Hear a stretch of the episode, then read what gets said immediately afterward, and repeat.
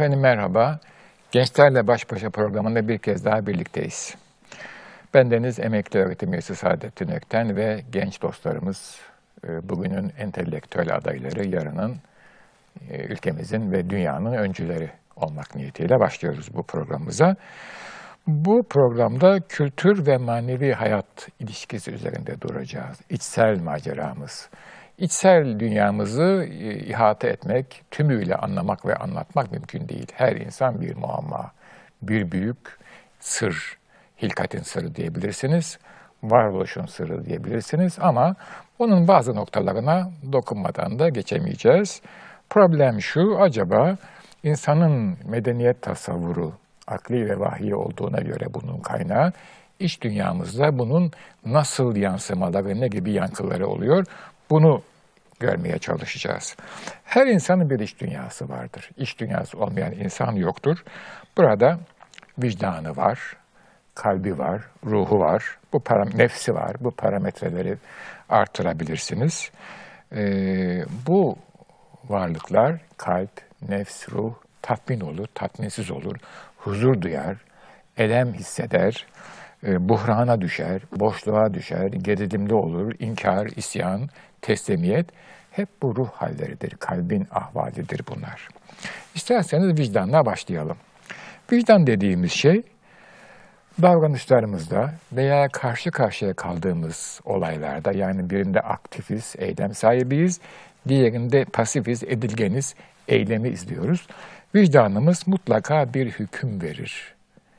İyi ve kötü hükmünü verir ve buna göre içimizdeki bir şeyler mutlu olur yahut mutsuz olur. Huzur duyar, huzursuzluğa kavuşur. Peki bu vicdan dediğimiz şey bizde nasıl oluşuyor? İyi ve kötüyü tefrik etme yeteneği.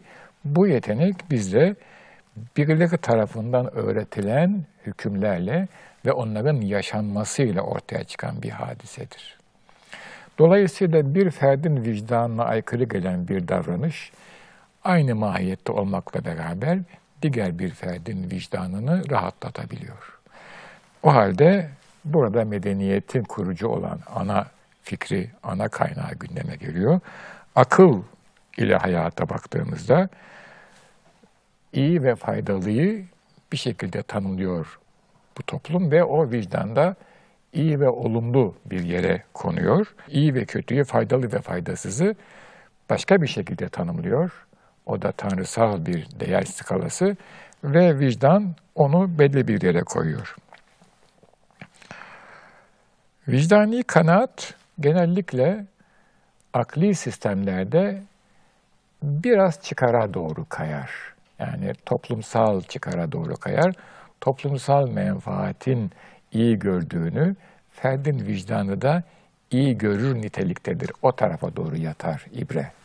Ama e, diğerinde ise e, yani kaynak vahiy ise toplumsal çıkar ne olursa olsun o zamanki algıya göre, çünkü o da beşeri bir algıdır, mutlak bir iyi ve mutlak bir kötü vardır. Dolayısıyla vicdani kanaat, ferdin her ne kadar toplumsal eğilim, akım onun yanında olmasa da, karşısında olsa da vicdani kanaat der ki, ben burada e, rahat değilim, vicdanım mutmain değil. Bu aynı zamanda hukuki bazı kararlarla özellikle toplumun kendi vicdani kararları arasındaki çelişkide de görülür. Öyle kararlar olabilir ki hukuk, mesela rasyonel temelden gelen bir hukuk, seküler hukuk belli kararlar verir ama buna karşılık ferdin vicdanı, hele orada eza çeken, acı çeken, mağdur olan tarafın vicdanı rahat etmez. Bunun örneklerini hayatta her toplumda görmek kabildir. Şimdi dedik ki vicdan eylemle ortaya çıkan, eylemle fonksiyon icra eden bir iç e, olgumuz. Eylem vicdan üzerinde bir iz bırakıyor. İyi veya kötü değerlendirme oluyor iç dünyamızda. Bu dışa hiç yansımayabilir veya simamızdan, jestlerimizden, kelimelerimizden yansır ve orada kalır. Yaptığın gücü yok. Ama iç dünyamızda bir huzur, mutluluk ya olur ya olmaz. İşte bir huzur olduğu zaman bu huzurun seküler medeniyet tasavvurunda belli bir sınırı var. Nedir o sınır? Evet ben vicdanım rahat etti, toplumsal bir e, tepkiye karşı iş dünyamda şu veya bu bir kararı verdim ve bunu bir şekilde deklar ettim. Bu burada kalır. Ama eğer siz tanrısal bir e, kaynaktan bir vicdan muhasebesi yapıyorsanız bir noktaya kadar dış dünyanın size getirdiği etkiyi şüphesiz aldınız, değerlendirdiniz. Kabul veya red şeklinde, mutluluk veya mutsuzluk şeklinde sizde bir yankı uyandırdı ama ondan sonrası da var. Ondan sonra vicdani kanaatinizi ortaya koyan ana iradenin hoşnutluğuna bakarsınız. İster istemez bakarsınız. O iradenin hoşnutluğu veya hoşnutsuzluğu her şeyin üzerinde yer alır. Eğer sizin eyleminiz veya sizin değerlendirmeniz o iradenin ortaya koyduğu kabul ve beyanlar ters düşüyorsa bir pişmanlık duyarsınız, bir nedamet hissedersiniz. Örtüşüyorsa bir huzur ve ötesinde bir şükür duygusu içinde olursunuz. Dolayısıyla psikolojik, psikolojik olarak olaya baktığımız zaman iki ayrı katman görüyoruz. İkinci katman yani vahiy olan katmanda birinci katman zaten var. Onun ötesinde bir başka katman daha var. O katmandaki olay, e, psikolojik hadise artık beşeri bir boyutta değil. Beşerin doğrudan doğruya inanıp iman ettiği aşkın kaynakla olan bir ilişki. Her zaman söylemeye çalışıyorum. Bu anlattığım yani vahiy kaynağın medeniyet tasavvuruna temel olması ancak inananlar için geçerli olan bir hadisedir.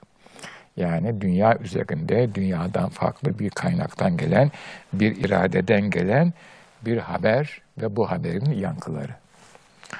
Bir başka husus iç dünyamızla ilgili kalp. Kalp biliyorsunuz bir organ, vücuda kan pompalıyor, hayatiyetin en önemli e, vesilesi ve vasıtası. Ama kalp dediğimiz zaman aynı zamanda biz bir başka olguyu, hatta çok büyük bir olguyu bizi inşa eden çok büyük bir realiteyi kastediyoruz. Her dilde var, kalpsiz dediğimiz zaman kalbi olmayan, organı olmayan insanı kastetmiyoruz. Merhametsiz, şefkatsiz, hoşgörüsüz, yumuşak olmayan sert insanı kastediyoruz. Şimdi hayatı sadece akli bir e, kaynağa dayanan medeniyet tasavvuruyla dikkate alırsanız şöyle bakmak zaruri oluyor. Bu hayatı ben irademle, yetkilerimle ve yetkinliğimle düzenleyebilirim. Ve bunu hakikaten modern batı insanı çok yapmıştır, hala da yapmaktadır.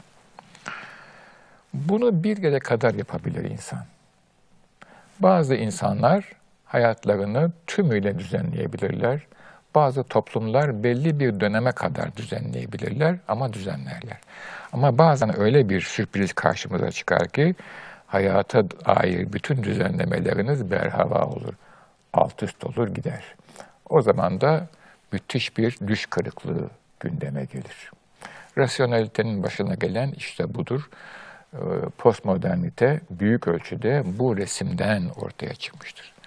Buna karşılık kalbi duruşunu vahyi bir temele istinad ettiren insan için adeta hayat olduğu gibidir. Çünkü onu düzenleyen, ona şekil veren, renk veren, hatta hayata hayat veren. Şu anda aklıma geldi. Necip Fazıl merhum diyor ki, hayat mayat diyorlar, benim gözüm mayatta. Hayatın eksiği var, hayat eksik hayatta. Hayata hayat veren bir güç var. O güçten koptuğunuz anda sadece fizyolojik manada yaşarsınız. Üstadın söylediği budur. İnsana yakışan fizyolojik manada yaşamak artı psikolojik manada yaşamaktır. Ama hayatın içinden hayatı çektiğiniz zaman hayatın içinden ona hayat veren umdeleri, ona hayat veren kaynağı çektiğiniz zaman hayat rasyonel bir çerçeveye mahkum oluyor.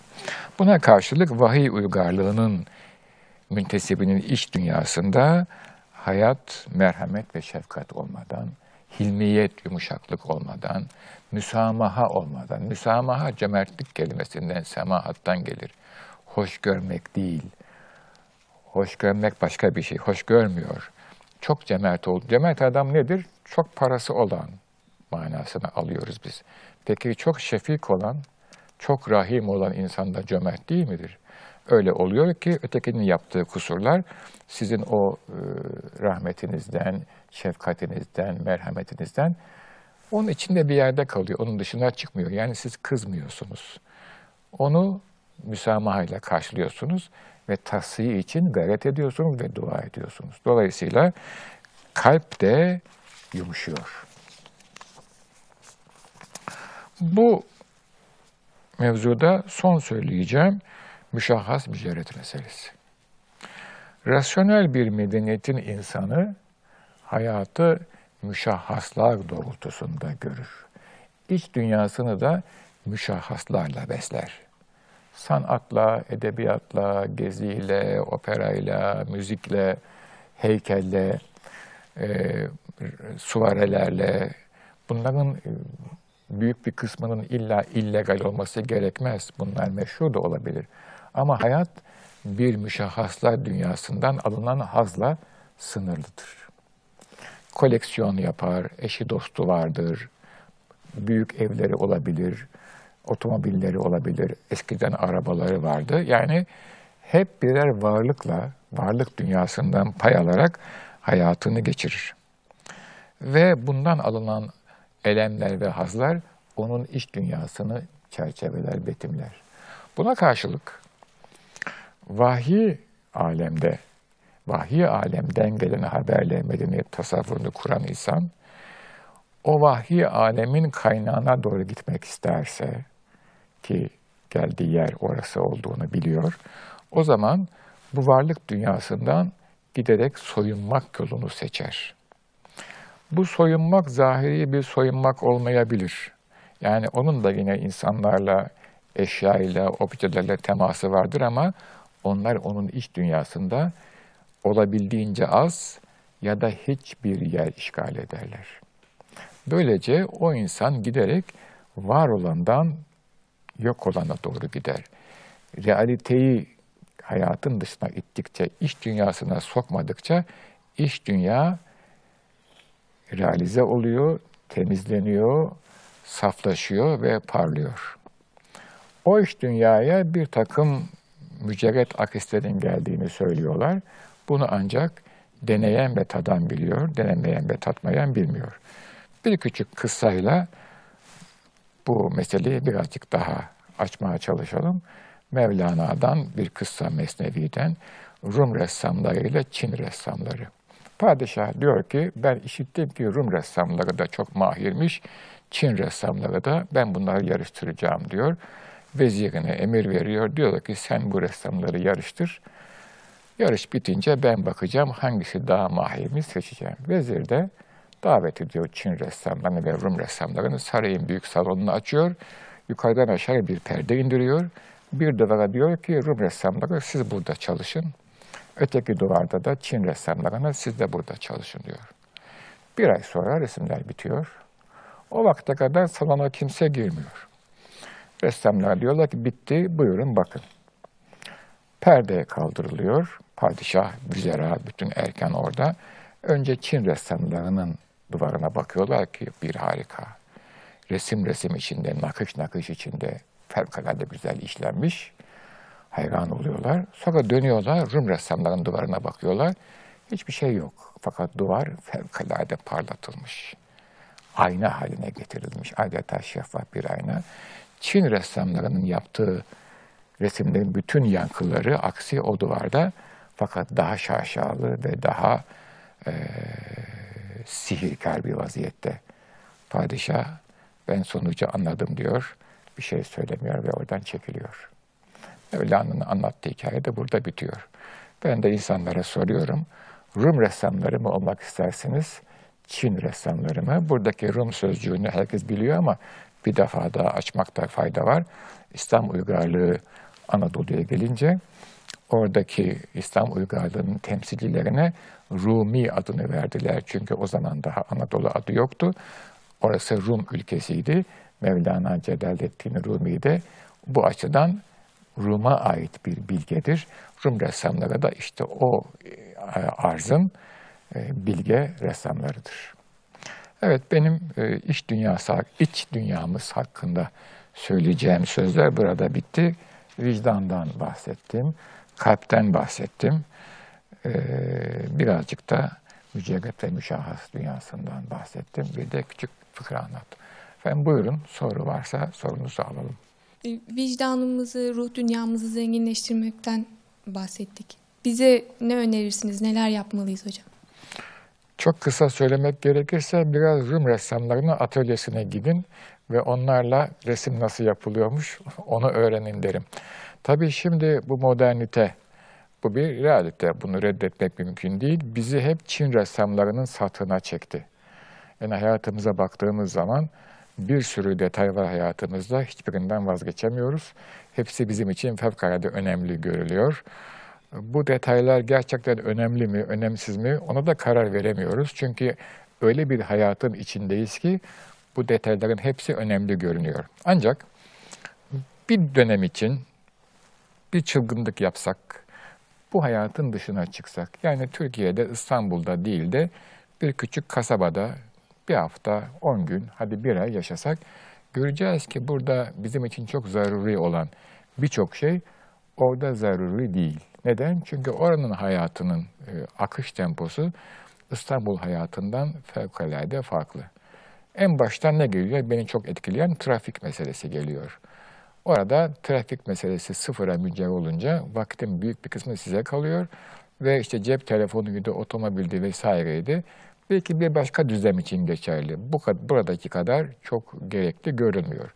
E, yurt dışına çıksak, bir başka yere gitsek, daha başında daha cesur şeyler söylüyorum şimdi yapsak, göreceğiz ki bize sunulan ve empoze edilen biçim izafi bir şey. Yani e, belki modernite sizi ve çevrenizi kendi modeline göre tasarlıyor ve onu inşa ediyor.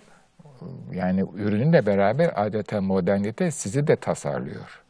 Bunu fark etmek lazım. E bunu fark etmek için de herhalde bir miktar Rum ressamlarıyla en azından okumak babında. İşte mesela ben bu e, kıssayı Mesnevi'yi okumamış olsam bu kıssa benim dikkatimi çekmeyecek. Burada da anlatmayacağım. Halbuki buradaki hadisenin tam üzerine düşüyor yani. Vahiy ve akıl meseleye nasıl bakıyorlar. Buradan şu sonuç çıkıyor. Mücerret müşahhas meselesinde. Yani Mevlana 1273'te e, göçmüş. Şu anda 2013 kabaca 800 sene geçmiş. Demek ki 800 sene içinde insanların müşahhas ve mücerret noktasında çok fazla değişik bir e, fikirleri ve algıları olmamış. Ama hayat biçimleri çok değişmiş. Demek ki bazı değerler, insani değerler hayatta çok kolay değişmiyor, yerini bırakmıyor. Biçimler değişse bile. O zaman belki Rum ressamdan yaptığı şöyle bir şey, biçimlerin arkasına geçebiliyor muyuz? sahne dekorunun arkasını yakalayabiliyor muyuz? Hayatımızın ön planında bize var gibi görülen, gerçek gibi hissettirilen şeylerin arkasına geçebiliyor muyuz? Bunları da düşünmek lazım. İşte Rum ressamların yaptığı da o diye düşünüyorum. Efendim bize ayrılan vaktimiz burada sona erdi. Aziz seyircilerimizi saygı, sevgi ve muhabbetle selamlıyorum. Allah'a ısmarladık diyorum efendim. Hoşçakalınız.